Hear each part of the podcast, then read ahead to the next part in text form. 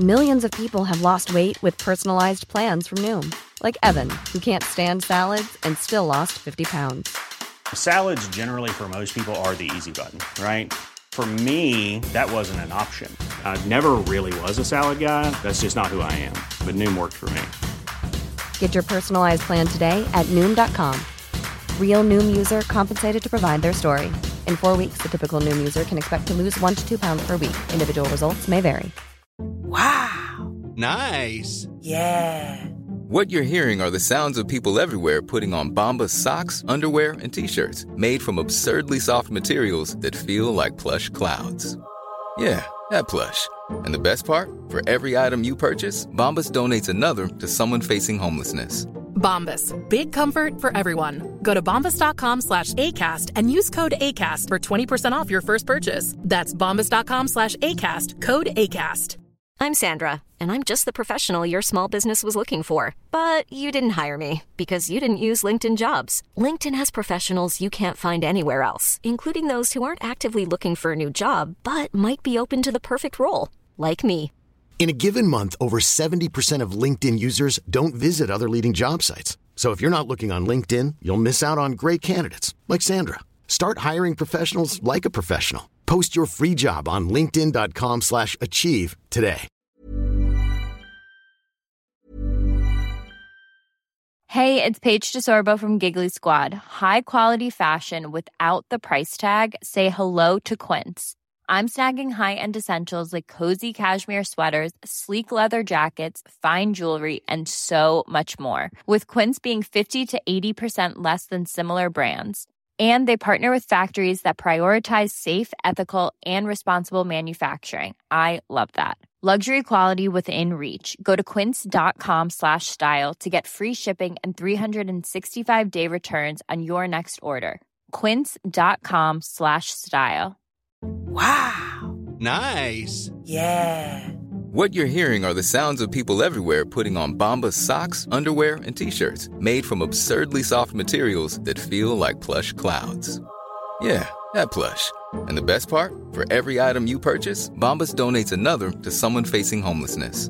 Bombas. Big comfort for everyone. Go to bombas.com slash ACAST and use code ACAST for 20% off your first purchase. That's bombas.com slash ACAST. Code ACAST.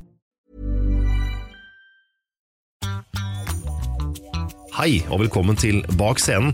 Jeg heter Trond Harald Hansen, og i denne podkastserien skal jeg finne ut hva som skjer på baksiden av norsk showbiz-bransje. Enten det er produsenter, skuespillere eller artister. Og i dagens episode så prater jeg med en som starta sin eh, TV-karriere allerede i Midt i smørøyet. Siden ble han kjent med Anders By, og de danner duoen By og Rønning. Resten det er historie. Velkommen bak scenen. Her er Jon Niklas Rønning. Bak scenen med Trond Harald Hansen. Du har egen podkast hvor du snakker med komikolleger. Jeg har egen podkast hvor jeg snakker med kulturpersonligheter fra showbiz-bransjen. Velkommen hit. Jo, takk, takk. Jeg gleder meg. Hvordan er det å ha et liv med omtrent bare humor? Det har nesten vært sånn hele livet mitt, da. Fordi jeg eh, ble veldig tidlig opptatt av komedie. Husker veldig godt at jeg så på Brødrene Dal som seksåring. Gikk i reprise på svensk TV, Spektralsteinen.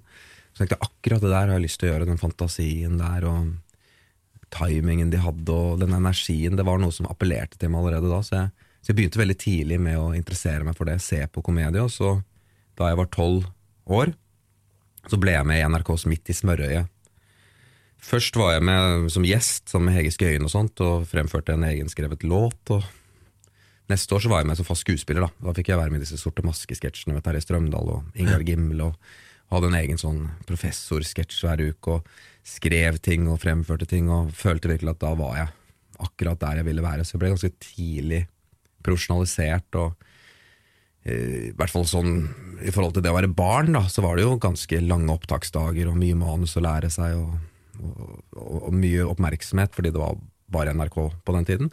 Så, så jeg ble kastet ganske fort inn i det, og det, det syns jeg var uh, veldig gøy. For det var der jeg hadde det gøy. Det var gøy å lage ting, og samholdet vi hadde på sett og sånn, det, det, var, det, var, veldig fantastisk allerede da som barn. Så jeg ble liksom smittet allerede da, og siden har jeg bare holdt på med det.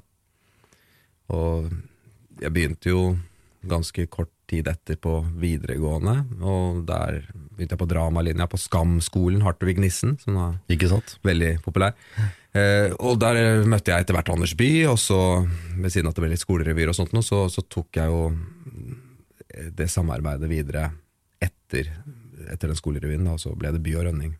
Så jeg husker Anders han var så ung da vi debuterte på Lille, han er to år yngre enn meg. Så vi debuterte på Lille standup-klubb i Oslo eh, med parodier og sånt. Eh, og da var han så ung, ah, han var ikke fylt 18 ennå. Så måtte be om lov til å komme inn, fordi han skulle stå på scenen, så ergo så, så gikk det greit i forhold til alkoholservering. Så han sto livredd på scenen eh, med noen parodier bak et mikrofonstativ og sang fantastiske parodier, men var veldig sånn nervøs for dette nye mediet, husker jeg. Mens jeg sto med gitaren ved siden av, så fikk vi så voldsom respons at veldig tidlig så ble jo vi eh, tatt imot varmt da, av eh, både komikolleger og også publikum. Så flytta vi sammen, og, og så ble det en karriere ut av det. Da. Men den var jo lang, det er jo ikke sånn at det ble suksess over natta. Det var jo mange mange år med, med hardt arbeid og, og turneer med få mennesker og turnébuss i Nord-Norge hvor du spiller for 20 stykker i Stokmarknes og 14 stykker i Bodø, og, og reiser til Pizzaloftet i Sortland og, og spiller der for bare fulle folk. Det er, det er, men det er jo læringskurven. Det er sånn du blir forhåpentlig god etter hvert. Da, at du rett og slett får bryne deg på alle disse forskjellige publikummerne rundt omkring i Norge. Så det er en fantastisk flott land å få lov til å reise rundt og spille i. Da, for det, det fins mange scener, og mange steder man kan få lov til å lære seg å bli flink på. Så, så det har vært en fantastisk eh, reise, da. Hva er det som uh, gjør at uh, du og også Anders uh, hadde et helt spesielt samarbeid? da? Det er jo det der med at du, du finner en du klikker helt 100% med, og det er ganske unikt. Dette her er jo kjent fra alle komigrupper. For du møter jo mange i løpet av et liv, men det er jo ikke alltid sånn at du treffer en person som du matcher helt 100% med når det gjelder humor, som, som gjør at du får et resultat som er mye bedre enn hvis du hadde gjort det alene, eller eventuelt sammen med noen andre. Så Anders og jeg, vi sto i i auditionkøen til samme skolerevy, og på Nissen allerede da så begynte vi å prate om humorhelter og KLM og sånt, og merket at bakgrunnen vår var veldig lik. Vi hadde sittet sånn, hver for oss, han på Frogner i Sørum og jeg på Ekeberg i Oslo, som barn, og laget radioprogrammer ikke sant, under teppet med, med sånn båndopptaker, ikke sant, Mm. og eh, skrevet sketsjer, og han hadde parodiert, og jeg hadde skrevet morsomme sanger og sånt. Dette var liksom noe vi hadde gjort hele veien, sånn at den bakgrunnen vår var ganske lik, og vi hadde veldig mye sånn like popkulturelle referanser. Vi syntes de samme tingene var rart, og vi syntes de samme tingene var bra. Ikke sant? Musikal skole Pavis hadde vi stor sans for begge to. Altså, det var veldig likt, da. Sånn at eh, når vi da begynte å jobbe sammen, som egentlig var, eh, var med en sånn eh, lokalradiosending i Oslo, som vi da kalte By og Rønning Show i 1999, med, med sketsjer og sanger og stuntreportasjer, eh, en sommer der, så, så merket vi at vi ville bare gjøre det. Jeg husker jeg hadde en kjæreste på den tiden, som dro på sommerferie, var borte i tre uker. Og da hun kom tilbake igjen, så enset jeg ikke det engang, fordi jeg hadde det bare så utrolig gøy sammen med Anders. Fullstendig oppslukt av det. Ja, rett og slett. Altså, vi, vi, vi fant en sånn tone som eh, Vi må jo kunne si at det var sånn komisk kjærlighet. Altså. Det, er, det er som en slags sånn forelskelse på en eller annen måte når du finner en person som du matcher så mye med, og du ringer hver, hverandre hele tiden og kommer med nye ideer. og det tar aldri slutt. da, ikke sant? Du, du legger deg om kvelden og så bare gleder du deg til å stoppe igjen, Fordi da, da vet du at du kommer til å sitte i et rom hvor du får lov til å skrive masse gøy, og veien fra å skrive noe til å fremføre det og lage en radiosketsj, det var så kort. da. Så jeg følte jo at en puslespillbrikke var falt på plass. Og det viste seg også når vi da tok det til scenen etter hvert, da, at, eh, at, at dette var noe som publikum merket, at vi hadde en sånn kjemi. Vi var liksom ikke satt sammen som en kunstig gruppe, sånn som Spice Girls, liksom. Vi var, vi var to mennesker som var veldig glad i hverandre, og veldig glad i å stå på scenen sammen og fremføre akkurat den særegne humoren som vi likte. Og det gjorde at vi også ble liksom beskyttet fra alle de som kom utenifra og sa at dere bør gjøre det på denne måten isteden, og sånn, fordi mange ville at vi skulle spille mer på oss selv, jeg skulle spille på at jeg var litt mer frik, og Anders litt mer snobb. Altså sånn, de mente at vi så sånn ut, da. Men vi tenkte at det, det er ikke så viktig å lage humor om oss selv. Det er liksom det vi skriver og, og, og, og gjør, som er det som er vår stil, da. mer enn at vi skulle prøve å kaste oss på den standup-bølgen og, og, være lik alle de andre som starter med en selvironisk vits, og så snakker de om å gå på byen og sånt. Og det, det var ikke vår greie, og det fikser andre mye bedre enn det vi ville gjort, men vi ville ha vår egen lille særegen øy, da. Og det ble parodier og, og sanger, og dette fikk vi jo finslipt over lengre tid, da, etter hvert som vi kom på radio og TV og sånn. Hvordan var eh, mottagelsen på lokalradio da?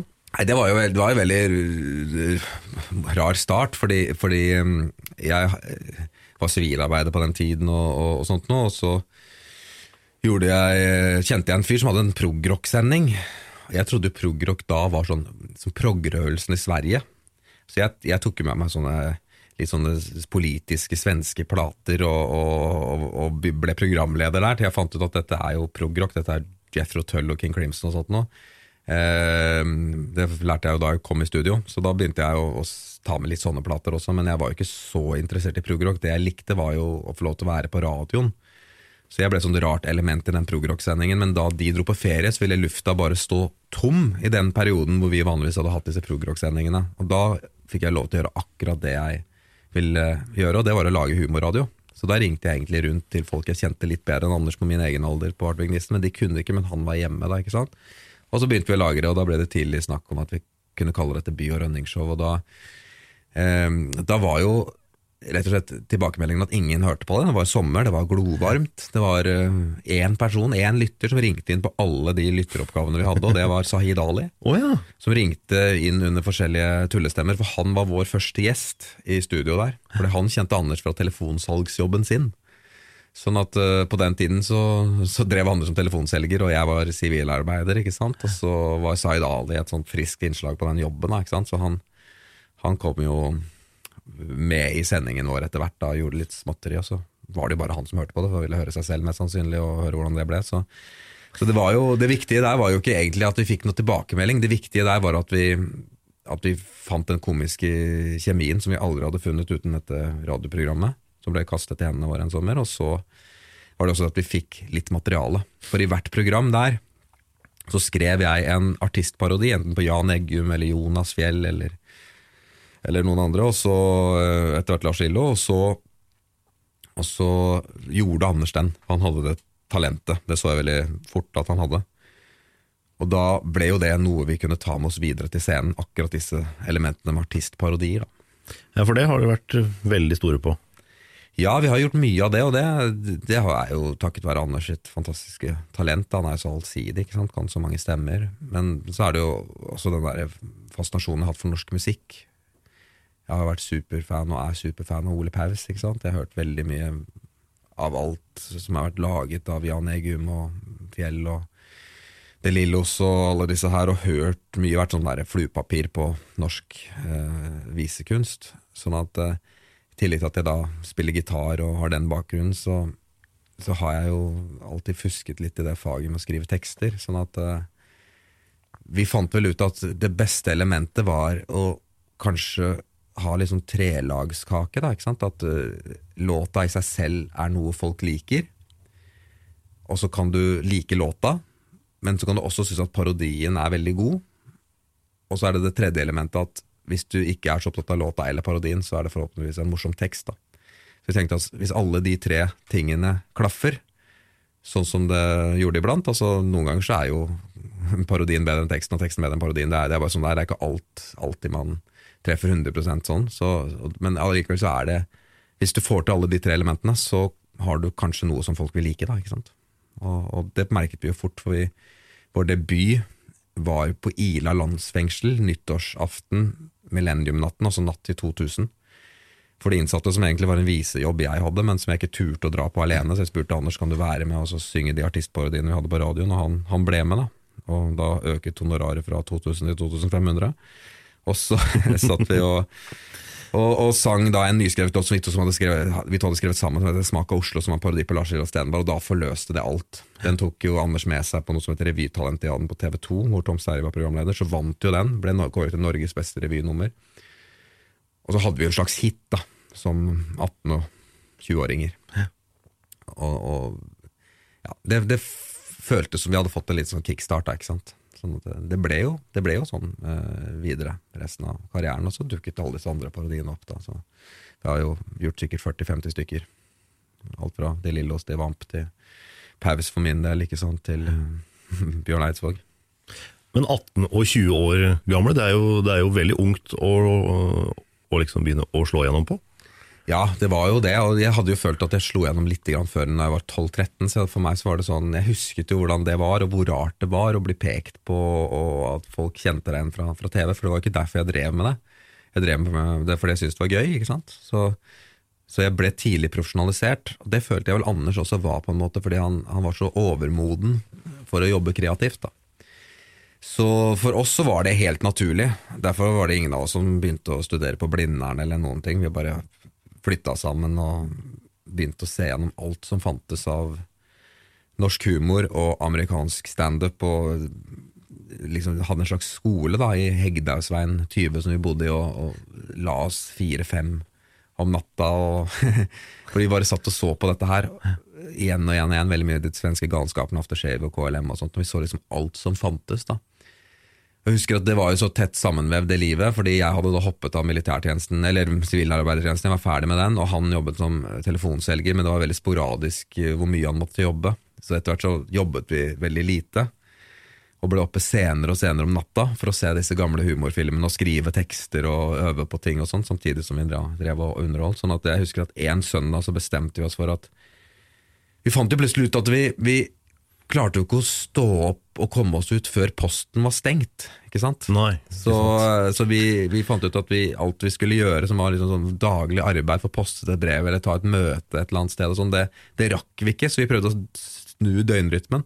Så en søndag så tvang vi oss selv opp etter å ha sovet to timer for å drikke kaffe klokken ti nede på Sentrum Scene rundt det området der. Og da var vi veldig fornøyde med det, jeg var sprengtrøtte, jeg husker det som det var i går. Og så gikk vi ned dit, og så fant vi ut at dette er søndag, så kafeen er jo stengte. Så da sto vi ute og, og hutret og frøys for det var på vinteren, og så tenkte jeg at vi egentlig hadde rett. Vi kunne like gjerne sovet til tre hver dag, så vi fortsatte med det. Ja. det var en fantastisk skole da, ikke sant. Ja, det var vel en litt Ja ja, dere hadde jo kanskje alt på video, da. Det var jo mm. vanskeligere å finne ting eh, da enn det er i, i dag. NRK har jo et fantastisk arkiv hvor de har ja. lagt ut alt. Men jeg var jo øh, veldig tidlig i barndommen sånn som så på alt som gjaldt standup og humor, og tok opp veldig mye. Eh, så jeg hadde jo alle mulige av disse portrettprogrammene til Andreas Diesen på VHS, og hadde tatt det med meg til den leiligheten vi bodde i. da. Så, så jeg, jeg, var flink til å ta opp alt mulig. Og så var det jo etter hvert en del eh, kolleger eh, som fant ut at vi var så humorinteresserte, som hadde da sett oss på standup-scenen og sånn, at eh, vi kom jo ofte i prat med kolleger, så da kom en revylegende som Dag Vågsås plutselig på besøk. Og han hadde et enda større bibliotek enn vi hadde. Mm. Så alt vi manglet, kom jo han på besøk med. Så, så det var jo en kilde til nyoppdagelser, annet av en periode av norsk revy som vi ikke hadde sett så mye av, som var 80-tallsperioden med Ja. Lars Gank og Frøland. Så vi fikk et ganske godt overblikk. og Jeg har også tenkt på det at jeg tror det at vi så så mye da, det hjalp oss veldig å finne ut hva vi ville gjøre, og også hva vi ikke ville gjøre. Fordi eh, det derre å se gamle ting Det er mange som tenker at da ser du til gamle ting fordi du vil etterape det, eller at du er en form for gammelmodig sjel som bare skal fråtse i det som har vært. Men, men jeg har aldri tenkt på det sånn, og ikke Anders heller, tror jeg. Det har mer handlet om at hvis du er arkitekt og skal bygge noen hus, så er det greit å se hvordan hus så ut i gamle dager. Uten at du nødvendigvis skal lage prikk like hus som, som du gjorde på 1800-tallet. Det handler jo bare rett og slett om at jeg vet at noen har vært der og gjort noe før. Det hjelper meg å tenke nytt nå, med bakgrunn i det som har vært. Så kanskje som en sånn mangel på studier på Blindern, så, så hadde vi sånn slags humorstudie for vårt fag hjemme, da, jeg og Anders. Og vi satt og diskuterte og hadde veldig sansen for Rolfus Nilsen og KLM alle disse her, og dissekerte hver eneste sketsj, og hvordan var det morsomt og sånn. Og, og ser jo det at når vi begynte å lage ting for NRK selv, så var det veldig mye av det som satt igjen oss. Hos oss, det var jo måter å løse slutter på, var måter å innramme en idé på. Jeg snakka med eh, Tom Sterre om det her, og han sa jo det at uh, alt som har med oppbygging og stokking, det er jo det det er nå som det det var før. Ja da. Prinsippet er jo likt. Ja, da, det, er jo, det er jo Når man sier at liksom humoren er ny, og det er nyskapende humor, og sånn, så, så er jo det fint sånn for pressen og for en selv å, føle og tenke at nå lager vi noe helt nytt, men, men det er jo et sånt dansk uttrykk som heter å finne opp den dy, dype tallerkenen på nytt. Og sånn er det jo litt. altså Ting er jo gjort før, det er bare på forskjellige måter. Og min følelse er at veldig mye humor er, er en reaksjon på det som har vært. Det er litt sånn som at uh, datteren syns ikke morens uh, kjole er fin, men hun liker bestemors kjole. ikke sant? Og sånn er det nok litt for humorister òg. Altså, alt er en reaksjon på det foregående. Hvis humoren var veldig røff, sånn som den kanskje var på 90-tallet, da, med mye mer ironi og personuthenging og den type ting, det var en mye krassere tid, så tror jeg at vår generasjon, da, som kom etterpå, ble mye mer uh, nyklassisister, kan du si. Altså at vi, vi lagde en humor som hadde hode og hale og, og, og, var litt mer sånn snill og varm og basert på Basert på mer eh, la oss si, referanser som, som, ikke handlet så mye om å henge ut folk, som det handlet om å kanskje parodiere og imitere faget og innholdet mer enn de personlige skandalene rundt de artistene som eh, vi omtalte. Da, ikke sant? Og det, det det tror jeg bare er en reaksjon, og 90-tallets komedie tror jeg også var en reaksjon på 80-tallet. For 80-tallet så mente de jo veldig mye om alt. Da var det sånn at uh, Sammen for livet var en stor hit, og norske artister trodde de kunne redde verden med, med liksom, en sang, ikke sant? Uh, og de mente alt, og da ble jo reaksjonen til 90-tallskomikerne å mene absolutt ingenting. Og Den kommentaren i seg selv ser du både i Sverige og i Norge. I Sverige så har du jo Killinggjenget og den type komikere som, som gjorde det til en sport å, å gjøre narr av overengasjerte, politisk korrekte mennesker. Men når det har gått en stund, så ble det plutselig en sånn annen strømning igjen, og da kommer liksom vår, vår type humor igjen. Og så bryter noen med det igjen. Jeg ser Nå er det veldig mye absurdister, f.eks. Mm -hmm. Vår humor var lite absurd, og nå er det veldig mye absurd humor. Sånn, det, sånn går det bare i bølger. ikke sant? Og det, jeg tror det handler mye om det. Og så er det noen universelle regler da, ikke sant? som handler om det Tom Sterry sier, at du stokker en forestilling ganske likt. Altså, hvis, du har, hvis, du har, ledd en god stund, så trenger du et litt uh, mer nedenummer for å lade opp og føle på noe annet til du da ler igjen. Dette er klassisk dramaturgi, ikke sant? som du også finner i, i Hollywood-filmer. Ikke sant? Ikke sant? Må få slappe litt av. Ja, ja ikke altså det er, bare fullt kjør hele tida. Ja, ikke sant. Det er noe som en sånn uh, Du sier at hvis det er julaften hver dag, så, så blir det ikke så stas lenger. Og sånn føler jeg også det er med, med humor. da.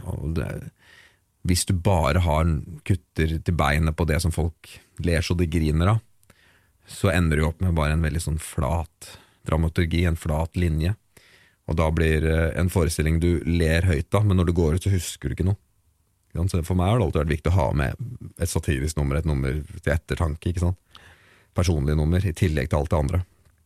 Og musikalsk leke seg i mye større grad enn en det å bare kjøre up tempo rett i fjeset-låter, liksom. Det, det, har vært viktig å føle på akkurat det, og der igjen kommer jo all den lærdommen Anders og jeg fikk da da vi satt i leiligheten vår og drakk Hakon pulverkaffe og så på disse gamle filmene. Dere gikk jo da fra lokalradio i Oslo. Hvilken lokalradio var det? Bare Den sånn... het Topp Radio, FM 101,1, var sponset ja. av Forbundet mot rusgift. Der har det vært mye. Ja, det har vært mye, mye og det var et sånn 80-tallsstudio med a-ha-plakater og Samantha Fox og sånn, så det var tydelig at storhetstiden var da og ikke nå. Ja. Ikke. Men dere gikk jo da fra lokalradio over til scene. Mm. Hvordan skjedde det? Ja, det, skjedde jo, det, skjedde jo, ved den, den overgangen egentlig at um, jeg ble spurt om å spille på Ila landsfengsel, og så hadde jo da jeg drevet litt som sånn halvseriøs visesanger frem til da. Begynte allerede med det som 17-åring. Spilte på stedet for Volapyk og Blå og sånn, faktisk. Men, men, jeg merket at det var de morsomme sangene folk likte. Det var ikke de der seriøse sangene som handlet om eh, kjærlighetssorg, liksom. Så det, men jeg, jeg, var på en måte populær nok til å få den ene jobben på Ila landsfengsel som, som ingen andre ville ha, på Millenniumsnatten. Så det var jo det at vi Jeg bød Anders med på den jobben fordi jeg ikke ville dra dit alene på nyttårsaften. Så på den måten så merket vi at det vi gjorde der for de innsatte, hvis de lo av det på denne kvelden hvor de mest sannsynlig håpet å være ute og feste og se på raketter og nyte livet, så tenkte jeg at da, da kan alt funke. Og det gjorde det. Det funket godt nok, liksom. Til at vi da tok det videre til scenen. Og når vi tok det til scenen, da Jeg følte jo at jeg hadde fått liksom ferten av gull, liksom. Fordi jeg følte at dette her var en sånn Det var jo den matchen jeg lette etter, ikke sant. Fordi jeg hadde jo sett KLM, og jeg hadde sett Falsk Mathisen, jeg hadde sett alle disse som fant sine drømmepartnere, og det hadde jo jeg funnet. Og det tror jeg også Anders eh, i veldig stor grad følte, da. Så da eh, var det jo bare å få dette fortest mulig opp og stå profesjonelt. For jeg har jo vel vært den som Anders har jo mobba meg mye for det, fordi han var 18 år. Og da vi flytta sammen og så vidt hadde stått på scenen tre ganger, så sa jeg vi må legge en tiårsplan. Eh, for hvis vi står på hardt og jobber med nett og satser på dette her, for dette her får, er såpass eh, bra, syns jeg, og jeg har så stor tro på det, at om ti år så kan vi få vårt eget TV-program på NRK. Og det stemte jo, ikke sant? Det tok ikke ti år engang. Men Anders, som da ikke egentlig tror jeg nødvendigvis hadde tenkt at han skulle drive med humor profesjonelt, han kunne gjort mye rart, han er en fyr som lever mye mer i nuet enn jeg jo gjør da, og har gjort. Så han ble liksom med, for han er så flink, og alt det sånn, men jeg hadde sånn Dette skulle vi få til. Så de årene som fulgte, da, de, de var veldig preget av det. Så jeg spurte Jonny Christiansen, som drev eh, standup-klubben Lille, eh, via Reistad komikerklubb, om vi kunne få gjøre vår eh, greie som vi hadde gjort på Ila landsfengsel, på Lille. Og gjorde jo det, og det fikk jo så enorm gjennomslagskraft. Fordi standupen hadde da vært i Norge i ca. åtte år.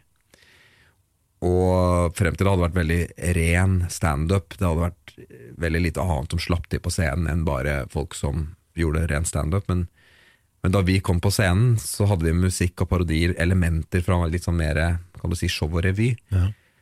Og drar du inn det på en sånn scene, det var, fant vi ut var veldig effektivt. Ikke sant? Fordi da hadde de sittet og hørt på folk prate i halvannen time, og så kom det to unge gutter med parodier og sanger de kjente, men med ny, morsom tekst og sånt nå, og så var jo responsen som på en rockekonsert. Så, så vi, var, vi, vi svevde jo etterpå. Vi skjønte jo ingenting. Hadde ikke opplevd maken, liksom. Det var, det var, jo, var jo som å være Beatles, liksom. Det var jo helt uh, fantastisk. Så vi, vi fant jo ut at dette her var jo på en måte liv laga. Uh, så, så, vi holdt jo på med det en god stund på disse klubbene, og, og sånn, uten at det nødvendigvis ble noe sånn levebrød ut av det. Det var jo ikke noe særlig betalt. Men så, og Vi fikk jo ikke noe sånn kontrakt med noe større byråer eller noe sånt heller. sånn at uh, Jeg husker at det var uh, en som jobbet som resepsjonist på et bookingbyrå, som uh, sa at jeg kan si ifra hvis det kommer noen jobber. Så jeg gjør det, for vi tar hva som helst, vi, altså. Og den resepsjonisten hadde kommet over en jobb som ingen ville ha på det bookingbyrået, som var et smalahovelag. Uten mikrofon for 1000 stykker på Tveita. Og da sa jeg 'den tar vi', ikke sant? Og vi dro opp dit, gjorde det liksom i eimen av smalehovet og Akevitt. Sånn, akevitt og folk som drakk øye og sånt. Det var jo, jeg er vegetarianer, så det var ikke liksom verdens beste møte for meg. Men da gjorde vi, gjorde vi det showet, og så gikk det veldig bra. Og brukte vel opp det vi tjente mer til i taxi opp og ned og, og en øl for å feire etterpå. Men men den gode tilbakemeldingen gjorde at vi da fikk litt flere oppdrag, og så etter hvert ble vi da snappet opp av Standup Norge og Elina Kranz, som da satset skikkelig på oss. Og, og, da var jo veien gjort i større grad, da, med egne show på Christian Kvart, og så Riksteatret-turné, og så sakte, men sikkert så, så kom vi jo på NRK, da. Hva er det man eh, lever av før man uh, slår gjennom, da?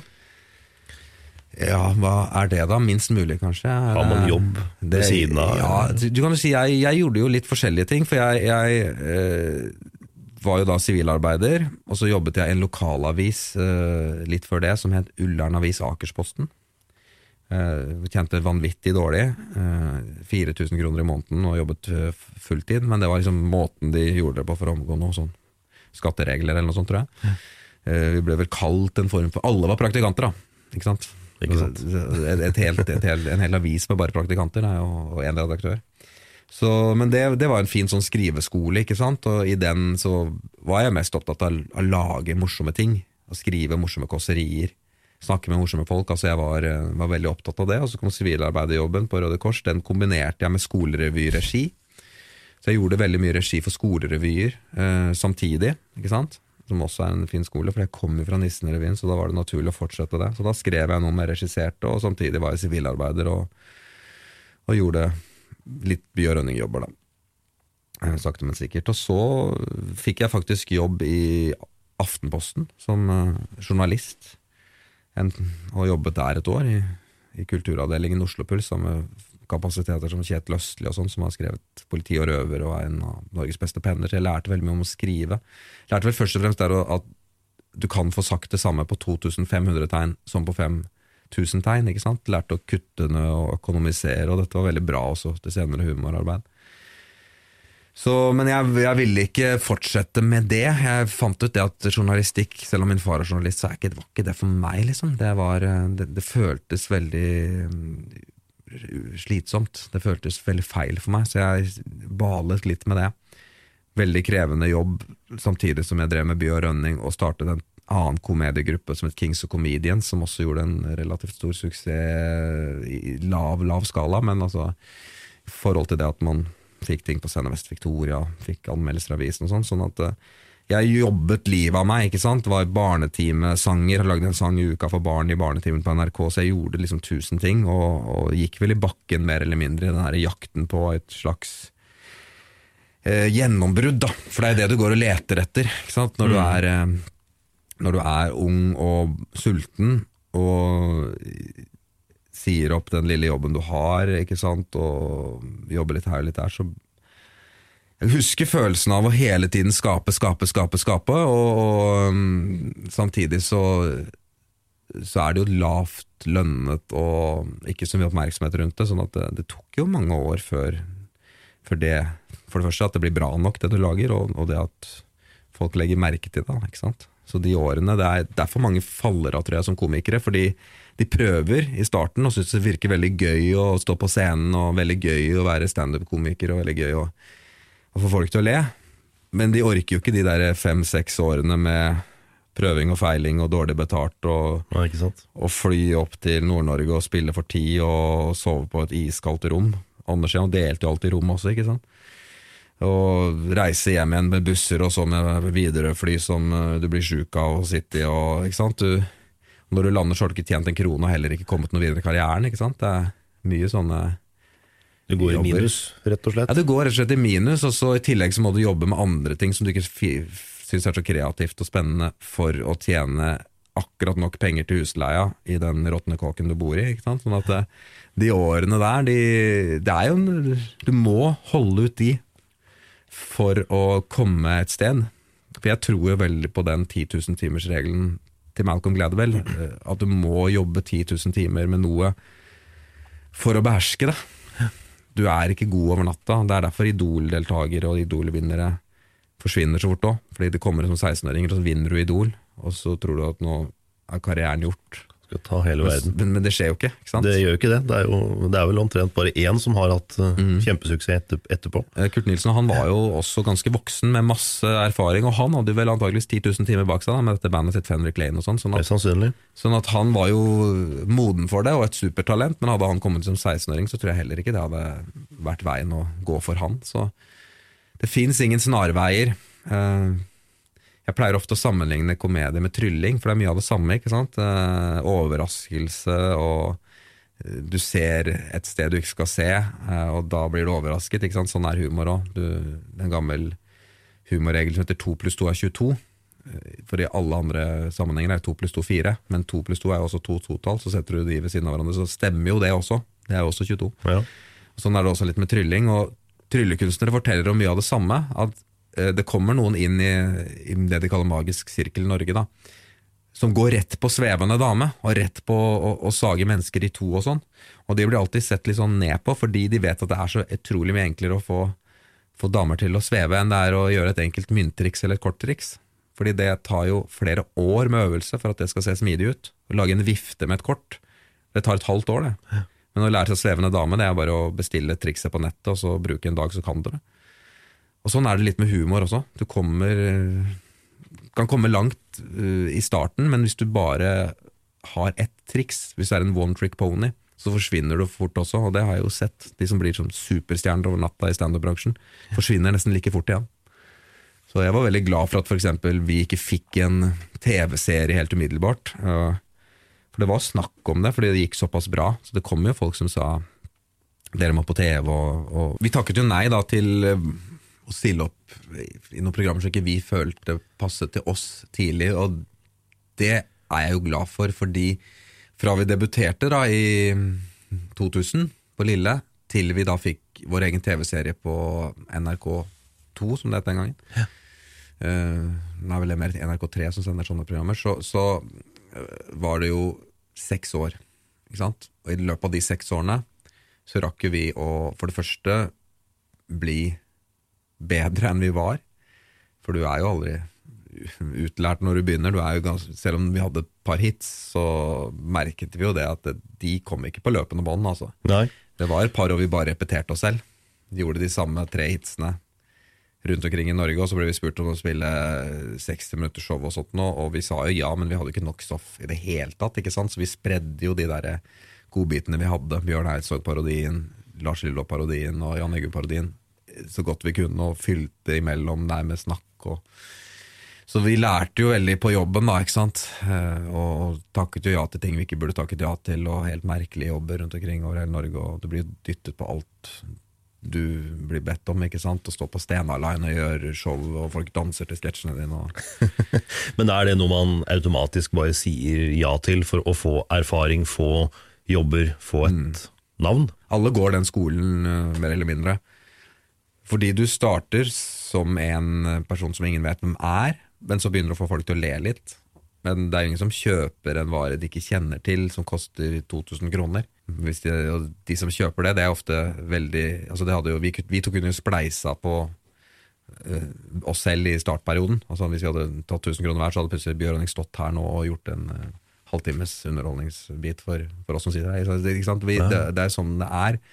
For det er noen kroner, for du trenger jo penger. Og hvem som helst som vil betale, ja, det, dette gjør vi gjerne. Pølsebrødfabrikker alt. Vi gjorde, vi gjorde helt utrolig mange jobber, og ofte med dårlig lyd og alt dette her, som ikke ble skjerpet før vi kom i Stand Norge. Men det er jo helt fantastisk å lære seg det på den måten, fordi eh, blant annet disse fengselsjobbene som vi gjorde i starten, vi gjorde en turné eh, i ulike fengsler. Ullersmo, Bredtvet, eh, Ila. Altså Vi gjorde alle disse her og tjente jo veldig lite på det, men da satt jo veldig mange utenlandske i, i salen. Vi som parodierte Jan Eggum, vi fant jo ut når vi sto der at disse har jo ingen referanse til Jan Eggum.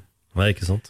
Sånn Kjenner at, ikke til han. Nei, så her må vi bare bytte ut, liksom. Og, og her må vi prøve å gjøre noe. Og da ble det mer improvisasjon med salen, og fant ut at ah, hvis vi får navnet på en sånn fengselsbetjent og gjør litt narr av han, så er det gøy. Ja, ja. Sånn, sånn at vi, vi lærte på jobben, da. Og vi turte å eksperimentere, turte å være mer eh, lekne på scenen. Og det må du på scenen for å teste ut, og det er det eneste trikset og, som du kan lære bort til noen, noen spør hva, hva, hvordan blir jeg komiker. Så du må bare opp på scenen, og du må opp på scenen så mye du overhodet kan. I Oslo nå finnes det seks-sju standup-klubber som har det gående hele tiden. Bare gå fra klubb til klubb til klubb til klubb. Prøv, prøv, prøv. Skriv nytt. Finslip det du har, og, og, og hold på, for det finnes ingen snarveier, ikke sant. Så Hardt arbeid, det er det eneste som ja, hardt arbeid og mye følelse av at dette gikk fantastisk bra akkurat i kveld, og så dagen etterpå det er sånn Nå er vi helt ute å kjøre. Dette gikk virkelig ikke. Dette er skamfullt hvor dumt det er og dårlig det er. Og, og du føler jo også at du aldri er bedre enn din siste jobb, noe som også stemmer. Og du tenker at det, det er jo iblant publikums feil, men samtidig så lærer det oss at det er jo ikke publikums feil heller. Fordi de ønsker jo mores, men uh, du har bare ikke funnet nøkkelen. Eh, Kanskje vi var for grove på en fest for litt mer upper class people som ikke ville ha den type humor. Kanskje var vi for snille for uh, gjeng, gjeng med russ, ikke sant. Altså, Du, du lærer alle disse tingene som gjør at du må vite hvem du spiller for. Du må vite hvem du snakker til. Og du må ha nok stoff til at du vet at det går hjem hos de som leier deg igjen. Og det er en hard læringskurve, en bratt læringskurve. Og jeg husker jo det at vi Vi slo oss sammen komiker som het Paul Håvard Østby, og så lagde vi Østby og Rønning eh, når vi kom inn i Stand Up Norge. Eh, og det var en forestilling som gikk på Christian Kvart, som egentlig var den sånn kreative forløsningen til By og Rønning. da, fordi da ble vi nominert til Komiprisen for første gang.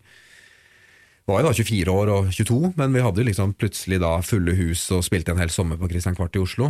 Og det var en, en veldig god følelse, fordi da hadde vi jo tross alt jobbet i, i fire år og finslipt noe og fikk en tredjemann med på laget som fylte ut det vi manglet. Sant? Vi hadde jo kanskje fire-fem hits i løpet av de fire årene. Så hadde han tilsvarende innen standup, og så skrev vi noen nummer sammen, og så ble det veldig kreativt og gøy og annerledes. Og det var liksom første gjennombruddet, på en måte. Så, så dro, men så dro vi videre etter det. Da tenkte vi at nå er jo løypa lagt. Men neste år så reiste vi rundt i Norge med et nytt show med samme trio. Da kom det jo ingen. Og så ble vi leid inn av Riksteatret for å lage et unionsshow. Det spilte vi 50 ganger i hele Nord-Norge og Norge med egen turnébuss og sånt, men i snitt 25 stykker som kom og så på oss. I kulturhus med plass til 500-600 mennesker. Ja. Så det var Maihaugsalen, som jeg tror var plass til 800. Sånn. Det, så står du liksom og, og ender med å invitere folk opp på scenen, lukke sceneteppet og så spille for sånne små pulter og stoler på scenen, liksom. Men det også er en fantastisk lærdom, fordi du lærer da at du kan ikke bli knust av at det ikke kommer 600 stykker og ser på tre mennesker som ingen aner hvem er. Nei, og så er det vel også det at eh, de 25 som er der, de skal ha akkurat like bra show Ja. som om det hadde vært fullt hus, da. Og så lærer du jo det at hadde de 25 stykkene sittet i salen og sett rundt seg at her mangler jo eh, 475 stykker, så hadde det ikke blitt så gøy som at du lager en egen intim setting. Det er derfor du har historier med komikere som inviterer publikum inn på hotellrommet sitt og gjør showet der når det er få besøkende og sånn, fordi du lager en egen intim atmosfære, hvor de som sitter der føler seg utvalgte, og at det er en spesiell kjemi, og du adresserer elefanten i rommet, og på den måten så føles plutselig 25 stykker ut som 400-500 også, fordi responsen er så svær fra de 25 som sitter der. Men du må bare lære deg de små triksene, og de, de kan du ikke automatisk. De, de bare plukker opp på veien, ikke sant. Så det var en fantastisk læringskurve. Og så holdt vi jo på med det, men da hadde vi jo tross alt holdt på i, i, i, snart seks år, og følte at nå begynte vi å ha reist rundt mye, ikke sant, når du har i snitt 200 jobber i året, og inntektene er fremdeles ganske lav på en måte, og oppslutningen og medieinteressen heller ikke er noe sånn fantastisk, så så tenker at vi må bare holde på, holde på, holde på, og vi elsket jo å gjøre det vi gjorde, så vi, vi tenkte ikke så mye på det, men jeg følte, jeg som hadde lagd den der tiårsplanen, jeg følte jo at på et eller annet sted nå så kommer det vel en eller annen, hvis vi bare jobber hardt nok nå, så kommer det en sjanse, og så underholdt vi på noe som et mediaforum på Island, hvor alle de der viktige beslutningstakerne var, og da skulle Kanal 4, som det het da, som ble Kanal 24, starte opp, og vi var så morsomme på den konferansen at vi fikk eh, tilbud der og da om en egen sending på Kanal 24, som det ble hetende. Så da fikk vi lage da fra 2005 et ukentlig humorshow med sketsjer, sanger og alt som var. Der dukket Per Sundnes opp, og der dukket Bjørn Floberg opp, og der dukket eh, mange av de der eh, parodiene som vi ble kjent for etterpå. Og det var voldsom produksjon, og ingen som hørte nesten da heller. Vi ble dytta inn på en søndag klokka tre eller fem etter hvert. og Veldig dårlig tid på en helt ukjent kanal, men vi fikk ganske godt betalt, og vi fikk lov til å leke oss da, med seks-sju sketsjer i uka og sanger og sånn. Så ut fra det så, så fikk vi jo et ganske stort arkiv. Så da NRK ringte og sa Vi hadde sendt inn en pilot um, med den andre gruppa som het Kings of Comedians. Vi hadde sendt inn noen piloter og sånt og hadde lyst til å lage et TV-program som ikke ble antatt da, med den større gruppa. Så hadde de sett oss på standup-scenen, så sa de Kristine Reza, du, vi har noe som heter Usett talkshow, som vi har fått penger til. Vi skal lage seks episoder av det. Kunne du og Anders vært programledere for det? Med gjester og sånt på NRK2. Og da tenkte jeg umiddelbart så jeg på telefonen at men eh, hva hvis vi gjør det sånn at jeg er programleder, og så spiller Anders alle gjestene? Altså, da kan vi fremdeles kalle det et talkshow, og så har, vi da alle de store Da har vi Per Sundnes på besøk og Floberg og Ikke sant? Men det er Anders som er alle disse. Kan det fremdeles gå i systemet? Ja, ja, det skulle gå fint, sånn, for det er jo talkshow. Og så gjør vi noen sånne innslag i- imellom sketsjer og sånn. Og da fikk vi, jo, fikk vi jo da den kontrakten. Da husker jeg at da nå følte jeg at ok, det er dette vi har jobbet for. Og det som er litt hemmeligheten med å ikke slå gjennom og takke ja med en gang til det TV-tilbudet vi fikk da, da vi debuterte, var jo at da hadde vi jo seks år med stoff og ting som var prøvd ut.